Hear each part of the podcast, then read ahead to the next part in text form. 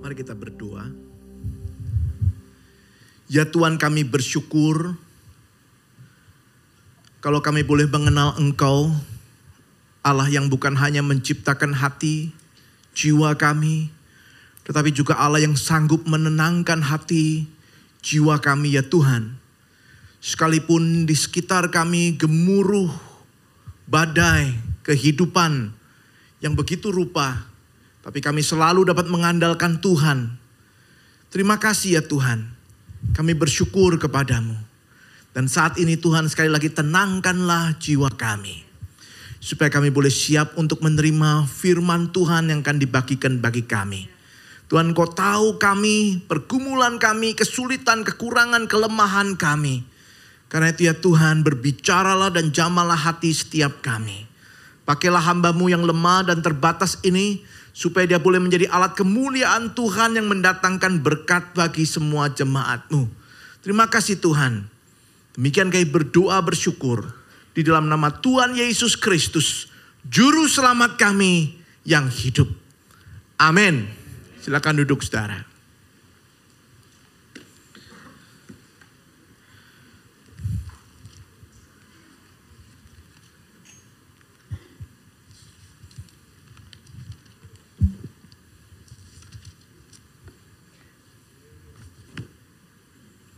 Shalom. Selamat pagi. Saudara senang sekali pagi ini boleh menyapa saudara sekalian dan bersama-sama boleh beribadah di tempat ini. Bahkan berkesempatan untuk menyampaikan firman Tuhan. Nah saudara hari ini kita diberikan satu tema tentang merangkul ketidakpastian saudara.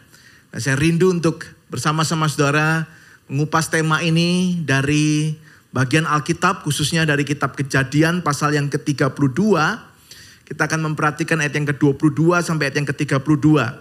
Kejadian 32 ayat 22 sampai 32. Saya percaya saudara bagian ini tidak asing bagi kita sekalian. Tapi mari sekali lagi saya undang kita untuk memperhatikan bersama-sama bagian ini saudara untuk kita boleh belajar dari kebenaran firman Tuhan. Demikian firman Tuhan saudara.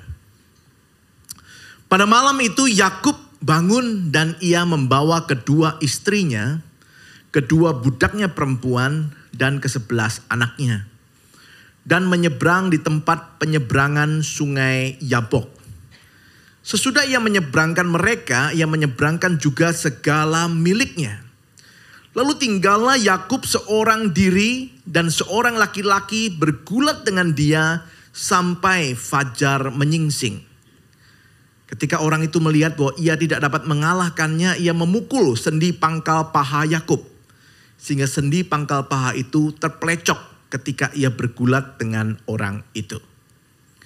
Lalu kata orang itu, biarkanlah aku pergi karena fajar telah menyingsing. Saud Yakub, aku tidak akan membiarkan engkau pergi jika engkau tidak memberkati aku.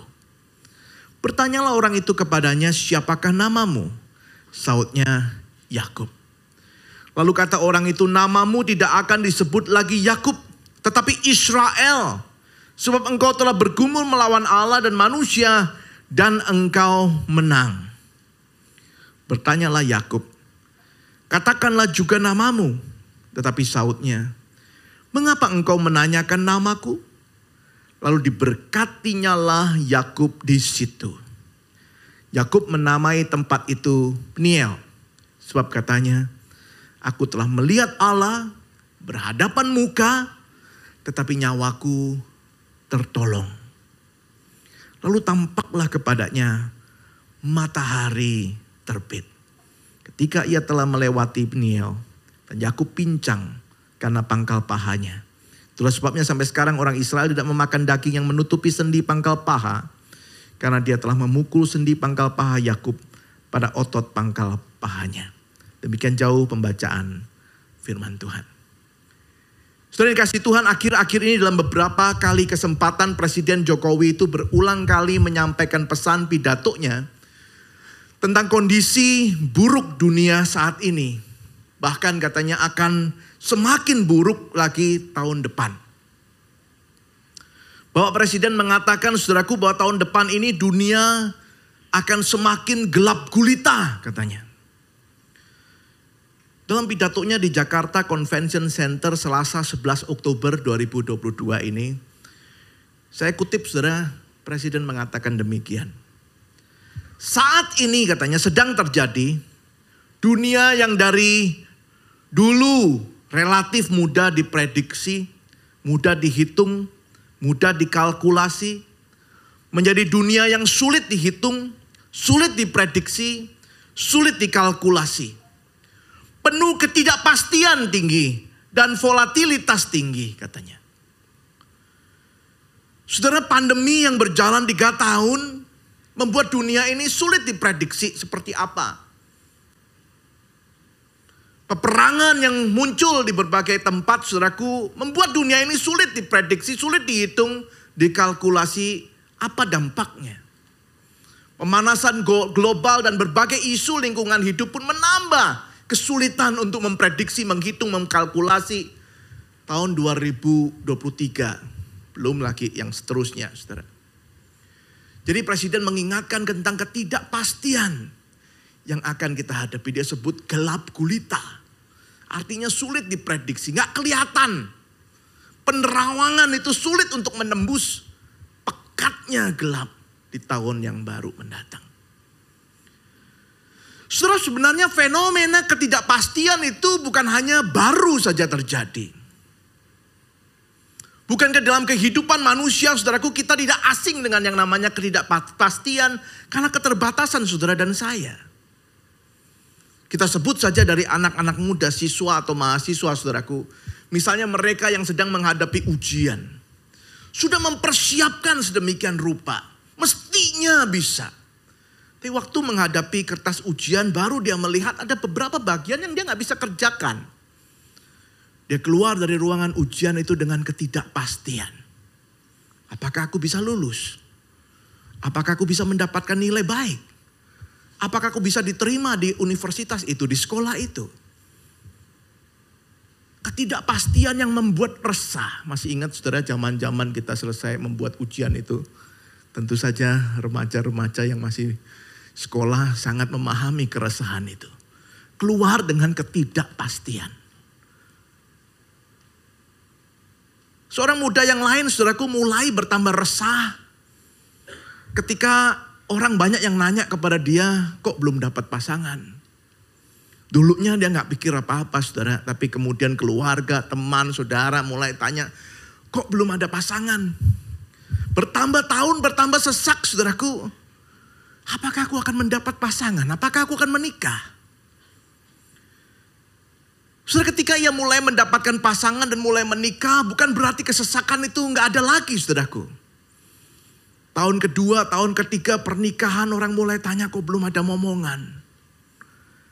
Tahun keempat, lima, enam, tujuh dia mulai semakin resah. Apakah Tuhan akan mengaruniakan anak? Ketidakpastian itu terus mengiring dia. Setelah ada berita dia mulai mengandung saudaraku.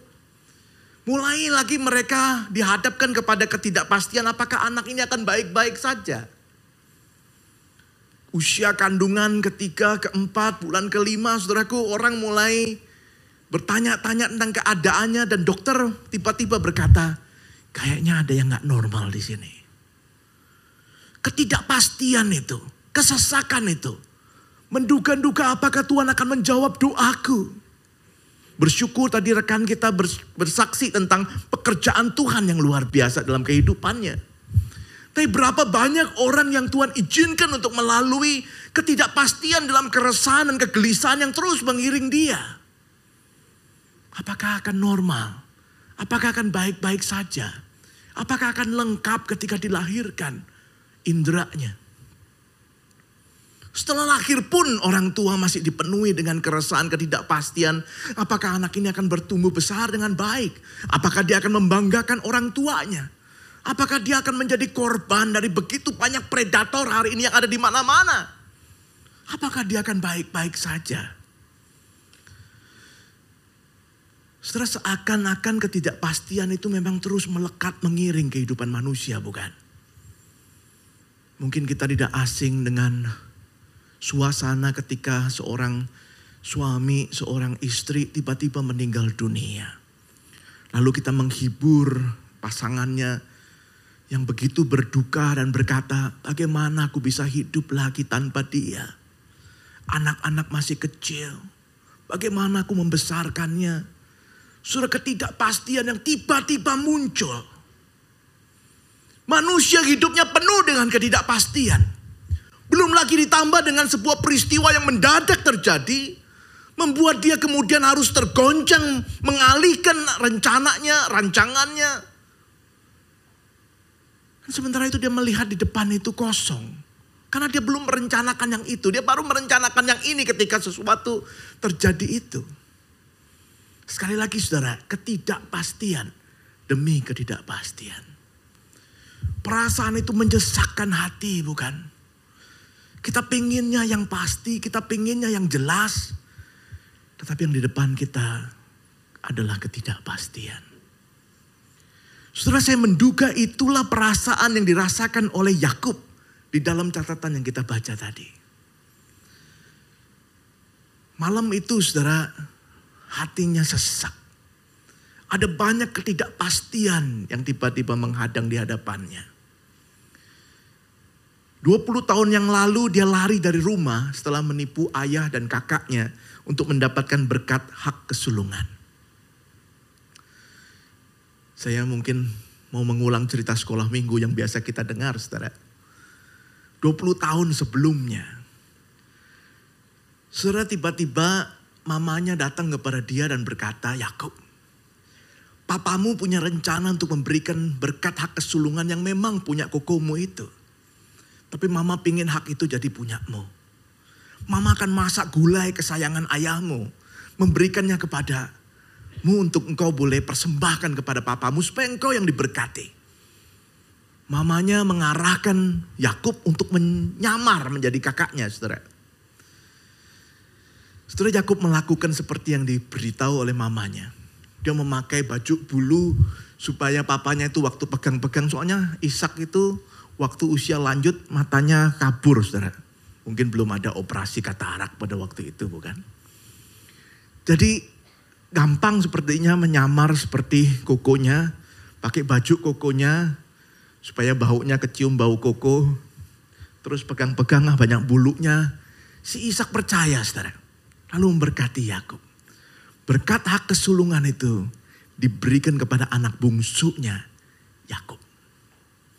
Sudah mengetahui peristiwa itu Alkitab mencatat marah sekali Esau, sang kakak.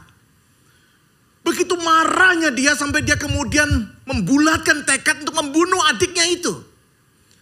Dia berkata, papa gak lama lagi umurnya.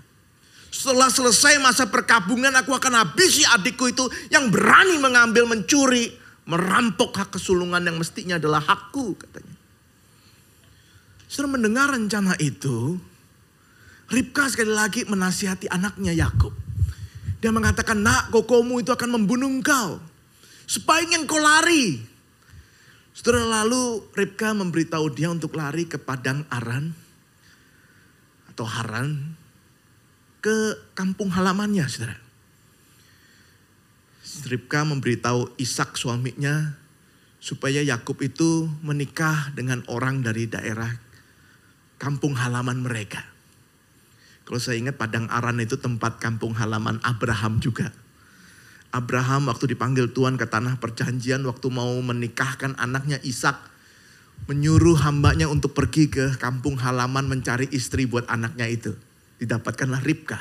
Itu sebabnya Ribka pakai alasan itu kepada suaminya supaya Yakub boleh pergi. Dan Yakub melarikan diri ke sana, saudara. Ke rumah saudara Ribka, Laban namanya. Saudara singkat cerita di dalam pelariannya itu Tuhan menampakkan diri kepada Yakub melalui sebuah mimpi. Tuhan berkata kepada Yakub, "Aku akan memberkati engkau, akan menyertai engkau. Dan aku akan membawa engkau pulang kembali ke tanah yang aku janjikan kepada nenek moyangku itu yang akan menjadi tanah perjanjian bagimu." Saudara dengan janji itulah Yakub pergi ke tempat Laban Singkat cerita dia jatuh cinta dengan anak Laban bernama Rachel. Tetapi saudara calon mertuanya ini rupanya lebih lihai dari dia.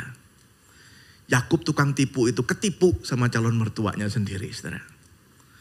Dia diberitahu supaya bekerja tujuh tahun untuk mendapatkan Rahel. Tapi setelah tujuh tahun itu yang diberikan adalah ciciknya. Yakub kaget sekali.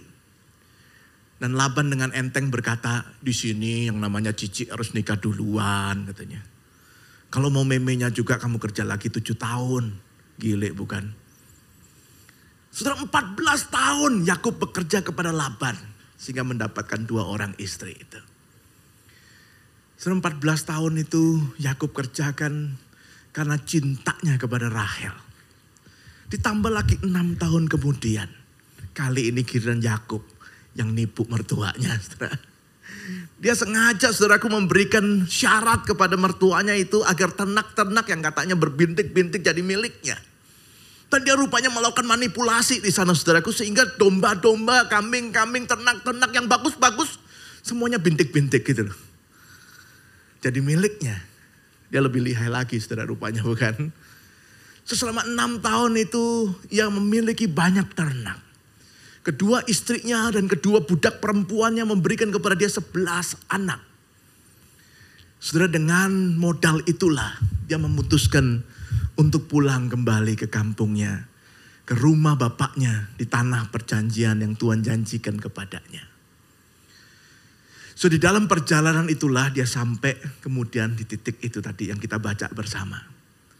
So tiba-tiba muncullah keresahan akibat ketidakpastian itu. Memang 20 tahun sudah berlalu.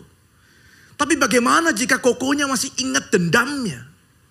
Bagaimana jika kokonya itu masih gak terima dan akan membunuh dia? Bagaimana jika lo kokonya itu bukan hanya membunuh dia tetapi akan membasmi keluarganya, membunuh istri anak-anaknya. Dia khawatir.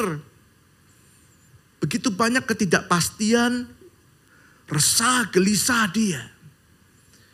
Dia utusnya seorang utusan saudaraku untuk menghadap kepada kokonya duluan. Kasih tahu kira-kira reaksinya apa. Yakub itu lihai, ahli strategi. Dia utus orang, coba tanya ke dia, kasih tahu ini titimu mau datang, kira-kira dia ngomong apa?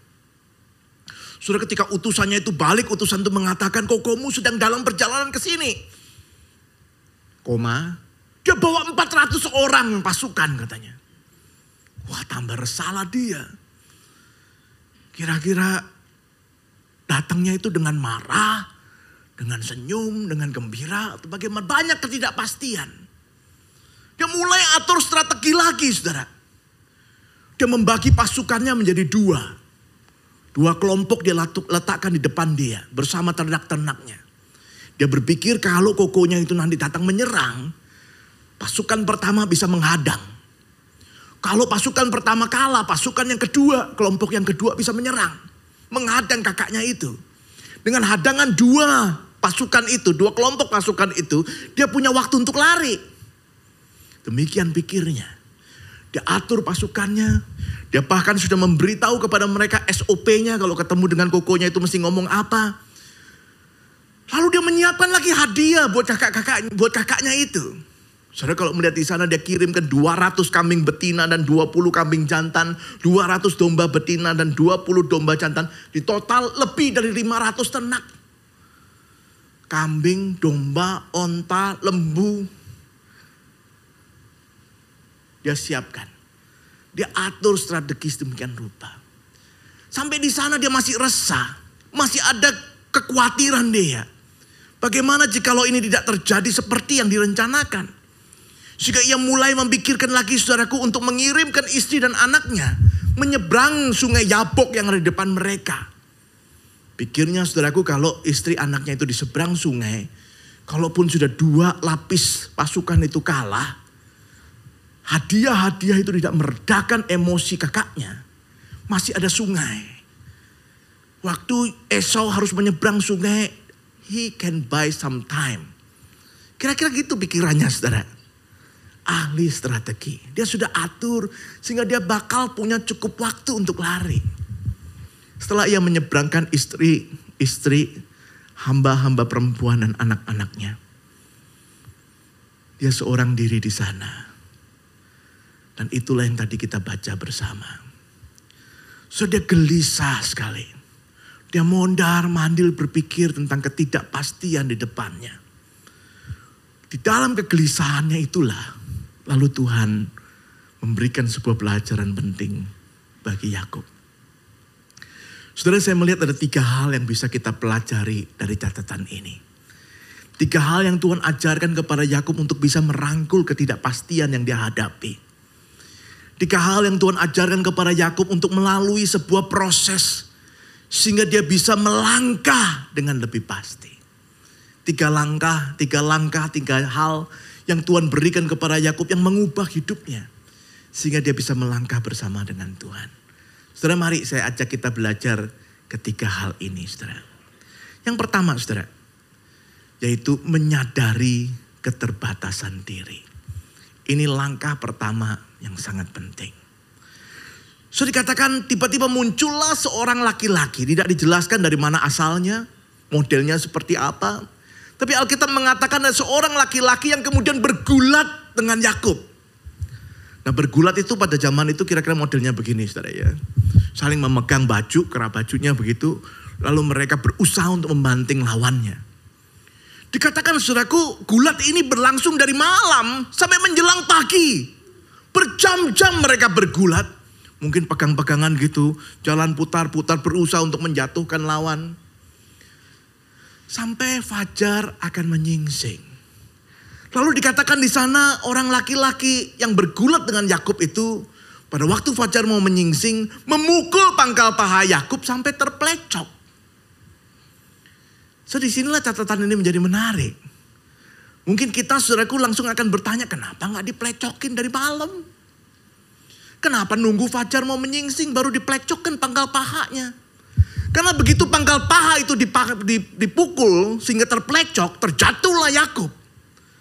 Saudara bergulat itu idenya adalah kelemahannya itu saudaraku yang penting adalah pada kaki kan. Kaki itu untuk bertahan. Kalau kaki itu bisa dikalahkan dia akan terjatuh. Kenapa kok nggak dari malam?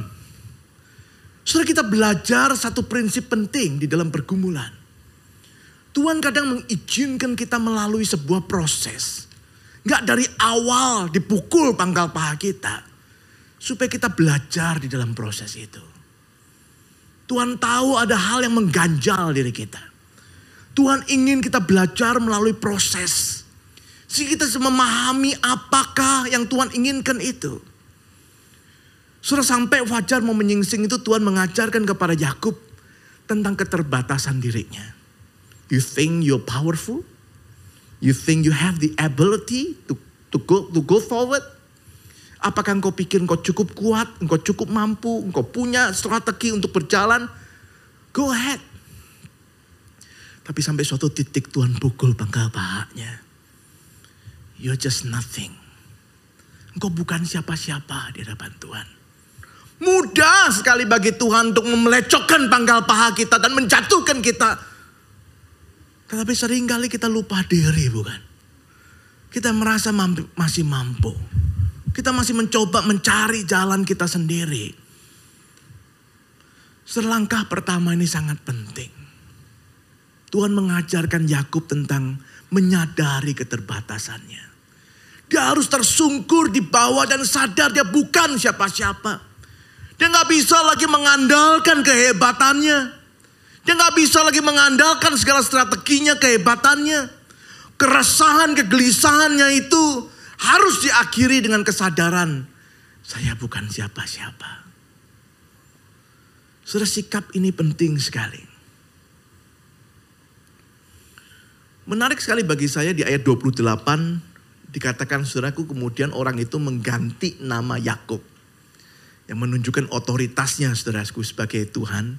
Dia mengganti nama Yakub, kau tidak akan lagi disebut Yakub, artinya penipu. Penipu itu strategi sendiri, punya idenya sendiri, mengandalkan kekuatannya sendiri, tipu muslihat. Tetapi engkau akan disebut Israel. Sudah menarik waktu dikatakan Israel diberikan arti di sana engkau telah bergumul melawan Allah dan manusia dan engkau menang. Wait a minute. Loh tadi bukankah dia itu tersungkur di tanah, tergeletak di sana? kalimatnya kan engkau sudah bergumul melawan Allah dan engkau kalah. Kenapa dikatakan dan engkau menang? So ini prinsip penting di dalam pergumulan dengan Tuhan. Kemenangan di dalam pergumulan itu bukan terletak ketika keinginan kita, kehendak kita itu bisa mengalahkan Tuhan. No. Kemenangan di dalam pergumulan itu bukan ketika kehendak kita, keinginan kita itu bisa menaklukkan Tuhan. Kemenangan dalam pergumulan itu bukan ketika kehendak kita, keinginan kita itu bisa membuat Tuhan bohot dan berkata ya wis ya, ya udah ikut lu aja. No. Kemenangan dalam pergumulan itu adalah ketika seorang manusia itu menyadari keterbatasannya vulnerability-nya. Bahwa dia bukan siapa-siapa. Di sanalah dia menang. Tuhan Yesus membahasakan dengan bahasa yang lain, saudaraku dalam Matius pasal 5 ayat 5. Yesus berkata, berbahagialah orang yang lemah lembut karena mereka akan mewarisi bumi. So di dunia ini yang namanya pemenang itu biasanya orangnya kuat, gagah. Orang yang kuat, yang beringas. Yang menghadapi lawannya dengan kekuatan yang luar biasa. Tapi Yesus berkata berbahagia orang lemah lembut. Karena mereka akan mewarisi bumi. Pemenang itu adalah si lemah lembut itu. Martin Lloyd Jones, seorang penafsir, mengartikan ayat itu, berbahagia orang lemah lembut karena mereka akan mewarisi bumi, sebagai orang yang tersungkur di tanah. Jones mengatakan dua ayat di atas yang mengatakan berbahagialah orang yang miskin di hadapan Allah. Berbahagia orang berduka cita. Jadi orang ini sudah tersungkur di tanah. Itu orang yang lemah lembut. Orang yang lemah lembut adalah orang yang sudah tersungkur di tanah. Lalu Jones mengatakan, satu-satunya orang yang gak bisa dijegal jatuh. Itu orang yang sudah tersungkur di tanah. Coba orang kalau sudah tersungkur kamu jegal. Ya nggak bisa jatuh karena dia sudah tersungkur di tanah. Kenapa orang itu jatuh? Kenapa orang itu sakit? Kenapa orang itu kecewa? Karena ia belum tersungkur. Ia masih dengan sombongnya berdiri. Bahkan mungkin dengan sombongnya dia mengangkat kakinya sedikit. Menunjukkan kehebatannya, kearoganannya. Dan di sanalah dia gampang dijegal, gampang terjatuh, gampang terluka. So, seperti itulah gambaran di sini ditunjukkan. Mengapa Yakub dikatakan engkau menang? Karena dia kemudian sadar siapa dirinya. Itu sebabnya dia menjadi pemenang. Saudara sebelum kita melangkah lebih jauh ke dalam tahun yang disebut gelap gulita itu milikilah kesadaran itu. Bahwa we are nothing. Tanpa Tuhan kita tidak dapat berbuat apa-apa. Kita cuma manusia biasa. Yang gampang sekali diplecokkan Tuhan. Kita cuma manusia biasa. Yang begitu mudah habis segala yang kita miliki. Itu yang perlu kita sadari. Tanpa itu kita akan mudah jatuh. Tanpa itu kita akan sering terluka. Perjalanan di tahun yang gelap gulita itu akan penuh dengan pergumulan yang akan melukai kita. Mulailah dengan kesadaran bahwa kita ini terbatas. Kita perlu dia. Yang kedua saudara. Yakub belajar untuk mengakui kebergantungannya pada Allah. Saudara kesadaran diri terbatas itu nggak boleh berhenti di sana. Sadar diri terbatas, kalau berhenti titik di sana, kita hanya akan berhenti menjadi seorang yang terpuruk di dalam ketidakberdayaan. Kasihan saudara. Saya bersyukur Yakub itu setelah diplecokkan pangkal pahanya, dia tergeletak di sana, tapi dia nggak diam. Surah Alkitab mengatakan orang itu berkata sekarang lepaskan aku. Fajar sudah menyingsing. Lepaskan aku. Artinya Yakub itu sedang memegangi kakinya. Nah sampai di sini kita mungkin berpikir tadi memelecokkan pangkal paha gampang. Apa susahnya ketika dipegangin kakinya dia goyang sedikit kan sudah beres. Tetapi orang ini berkata lepaskan, jangan pegangi aku. Sementara Yakub terus memegangi dia. Sekali lagi, Tuhan mengizinkan proses supaya anak-anaknya itu belajar.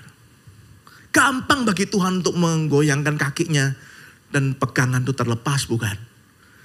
Tuhan bertanya dan berkata, lepaskan. Biarkan aku pergi. Nah, saudara Yakub mengatakan kalimat yang penting. Ayat 26. Dia berkata, aku tidak akan membiarkan engkau pergi. Jika engkau tidak memberkati aku. Inilah iman percayanya bergantung pada Allah. Saya khawatir banyak orang Kristen gak sampai begini nih saudara. Kesadarannya bahwa tanpa berkat Tuhan, tanpa perkenanan Tuhan, tanpa pertolongan Tuhan, kita gak bisa maju. Sehingga kita gak mau melepaskan Tuhan. Kita mau Tuhan yang berjalan di depan kita. Kita mau Tuhan yang pegang tangan kita. Kita mau Tuhan yang memberkati kita terlebih dahulu. Baru aku mau berjalan maju ya Tuhan. Soal kerinduan itu yang dimiliki oleh Yakub dan yang ia pelajari. Dia bukan cuma sadar dia terbatas. Tetapi dia melihat, mengakui pentingnya kebergantungan pada Allah. Soal itu yang saya ajak kita juga belajar bersama hari ini. Mari kita miliki hati yang haus dan lapar akan Tuhan itu. Yang berkata kalau bukan engkau memberkati jangan aku melangkah Tuhan. Aku gak mau maju jika engkau tidak bersama dengan aku. Kerinduan itu saudaraku untuk selalu mencari Tuhan. Merindukan Tuhan. Karena itu satu-satunya kekuatan kita.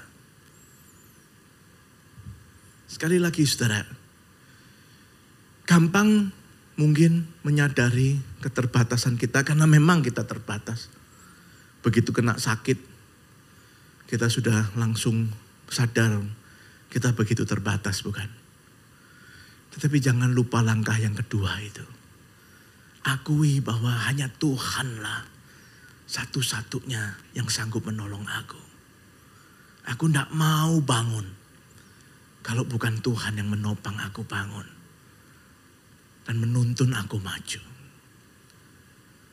Yang terakhir yang ketiga, saudara. Tuhan mengajarkan Yakub untuk mempercayai kesetiaan Allah untuk melangkah. Sudah indah sekali setelah orang itu mengganti nama Yakub yang menunjukkan otoritasnya dia bisa mengganti nama orang. Lalu Yakub kemudian menanyakan kepadanya tentang namanya. Ya jadi tadi waktu tanya siapa namamu dia bilang Yakub. Namamu akan disebut Israel. Lalu kemudian Yakub nanya saudara, Siapa namamu? Nah menariknya dikatakan di sana, orang itu menjawab, Tuhan menjawab, mengapa engkau menanyakan namaku?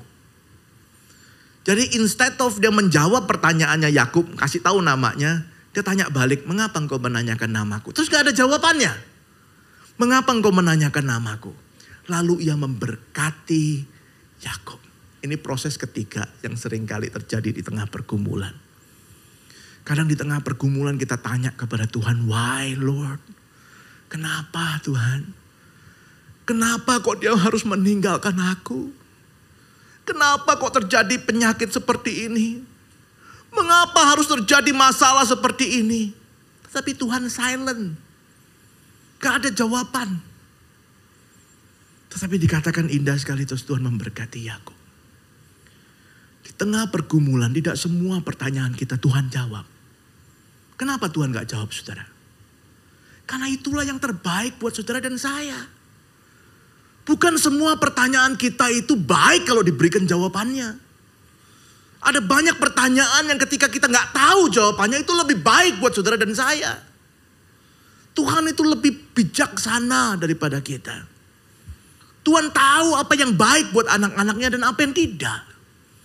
Itu sebabnya sering kali dalam pertanyaan-pertanyaan kita Tuhan that silent. Tuhan tahu it's better for you not to know the answer. Let me keep it for you. It will harm you if you know the answer. Surah kita ini nggak ngerti apa-apa.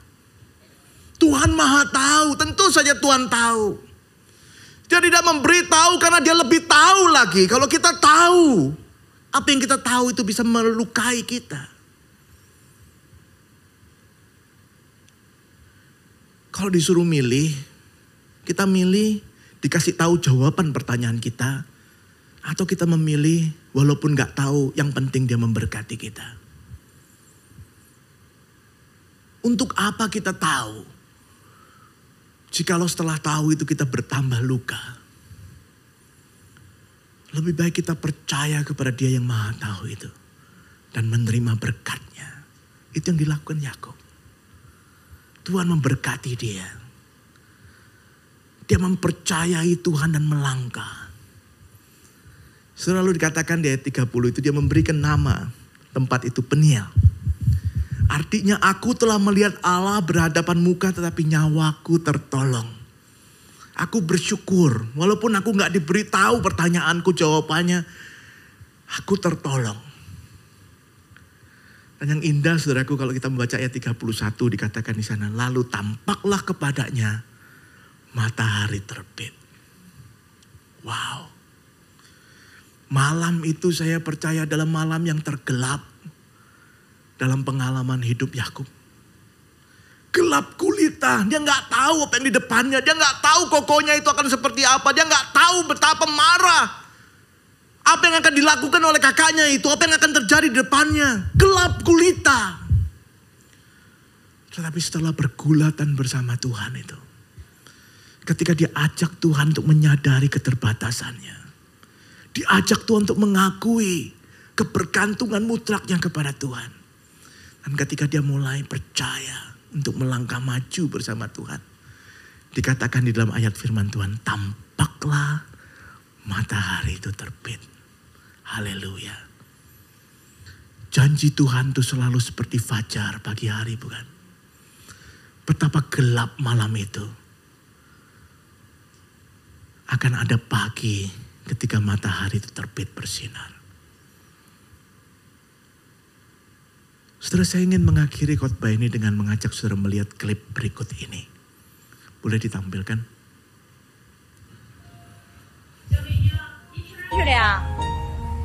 上哪儿去了？这么晚了？啊？这么晚了，你去哪儿去了？恁家是哪儿的？啊？北庄？不是北庄。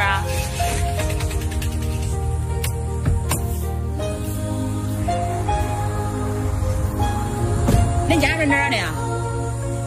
啊？那你咋自己搁这儿呀？要回家了，恁家人咋不来接你？你认识路不认识啊？认识啊，我送送你吧。到家都天黑了呀，闺女，知道吧？走，来快。爸妈的电话也没有。你几几岁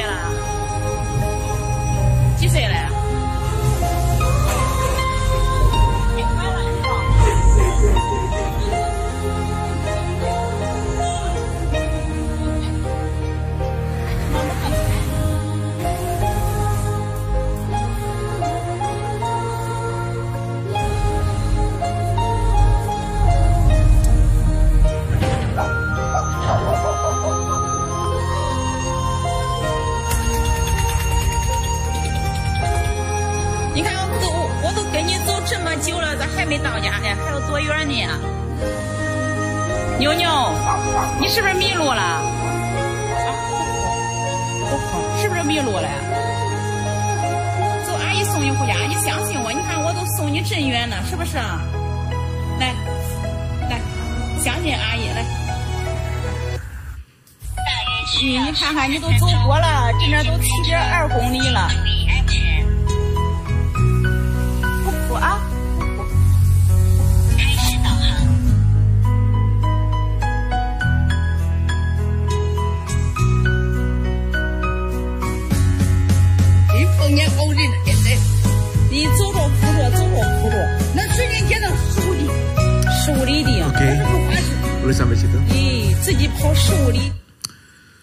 Surah anak itu suatu hari pulang dari sekolah, tidak menemui orang tuanya menjemput.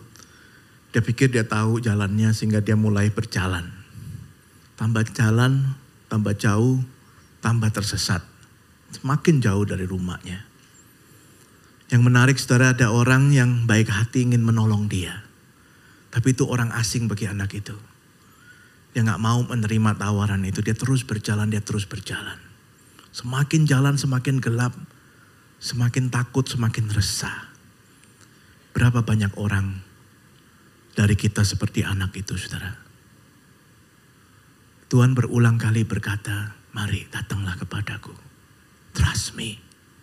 Percaya padaku. Tapi kita merasa kita tahu. Kita nggak mau menerima yang Tuhan tawarkan. Kita terus melangkah sambil keresahan itu semakin kuat. Semakin gelisah. Saudara kita nggak bisa pulang sendiri. Kita nggak terbatas. Kita nggak mampu.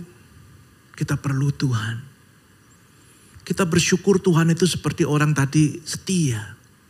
Dia mengikuti kita. Berulang kali dia berkata, mari.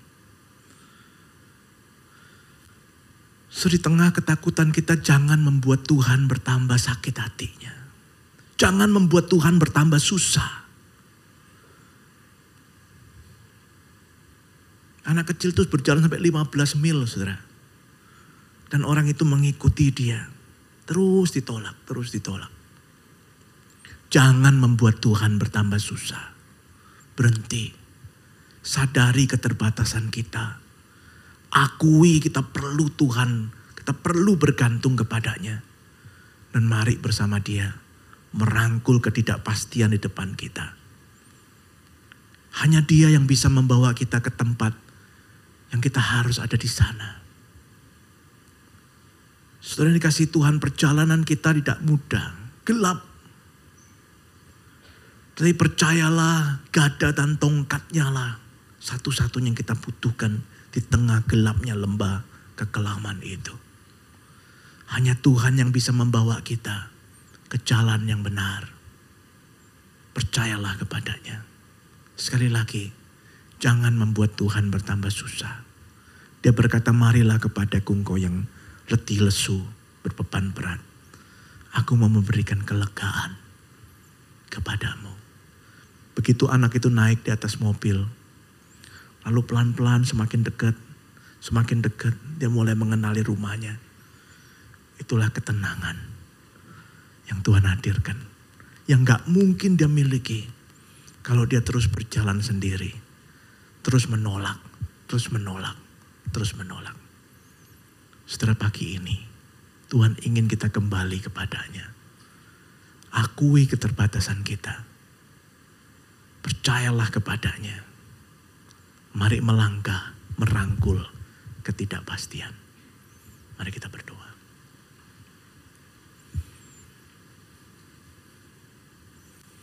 Di tengah keheningan, mari saudara berdoalah pribadi kepada Tuhan. Katakan segala pergumulanmu.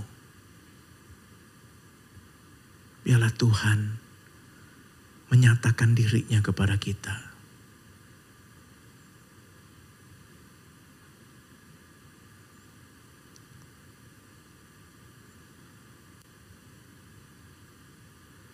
Hatiku percaya, hatiku percaya,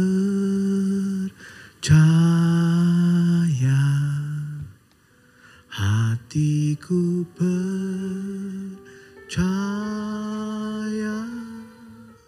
selalu ku percaya. Katakan di dalam doamu, hatiku percaya,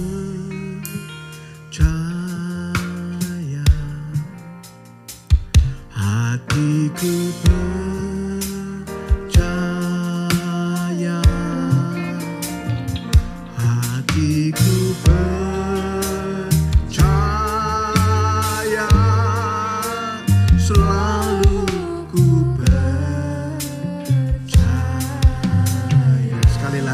hatiku percaya, hatiku percaya.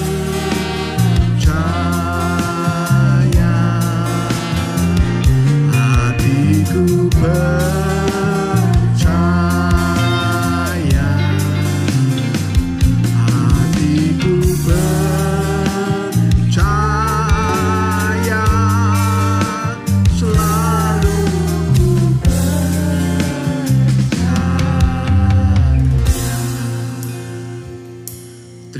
kasih Tuhan.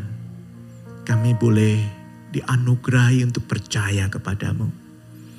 Karena sesungguhnya memang kami terbatas. Kami bukan siapa-siapa. Tetapi kami bersyukur kami boleh mengenal Engkau Allah yang bukan hanya maha kuasa tapi Allah yang mengasihi kami. Bahkan Engkau ya Tuhan ketika kami masih berdosa telah mengutus anakmu yang tunggal. Mati di kayu salib menebus kami yang berdosa. Itulah jaminan bagi kami untuk percaya. Engkau mengasihi kami. Karena itu biarlah kami merangkul ketidakpastian. Melangkah di tengah kegelapan dunia ini. Karena kami melihat di tengah kegelapan itu ada gada dan tongkatmu. Melihat terangmu yang berjalan di depan kami. Menopang kami ya Tuhan. Sehingga kami mau melangkah. Bapak biarlah kami terus berjalan bersamamu. Jangan biarkan kami menyeleweng ke kiri ke kanan. Atau menolak menepis tawaran Tuhan. Tapi biarlah kami boleh tenggelam di dalam kasih-Mu. Masuk di dalam mobil Tuhan yang akan membawa kami ke tempat yang Tuhan tahu tepat bagi kami. Berkatilah anak-anakmu, berkatilah jemaatmu yang sehati percaya kepadamu ya Tuhan. Di dalam nama Tuhan Yesus, Juru Selamat kami yang hidup, kami berdoa. Amin. Tuhan memberkati saudara sekalian.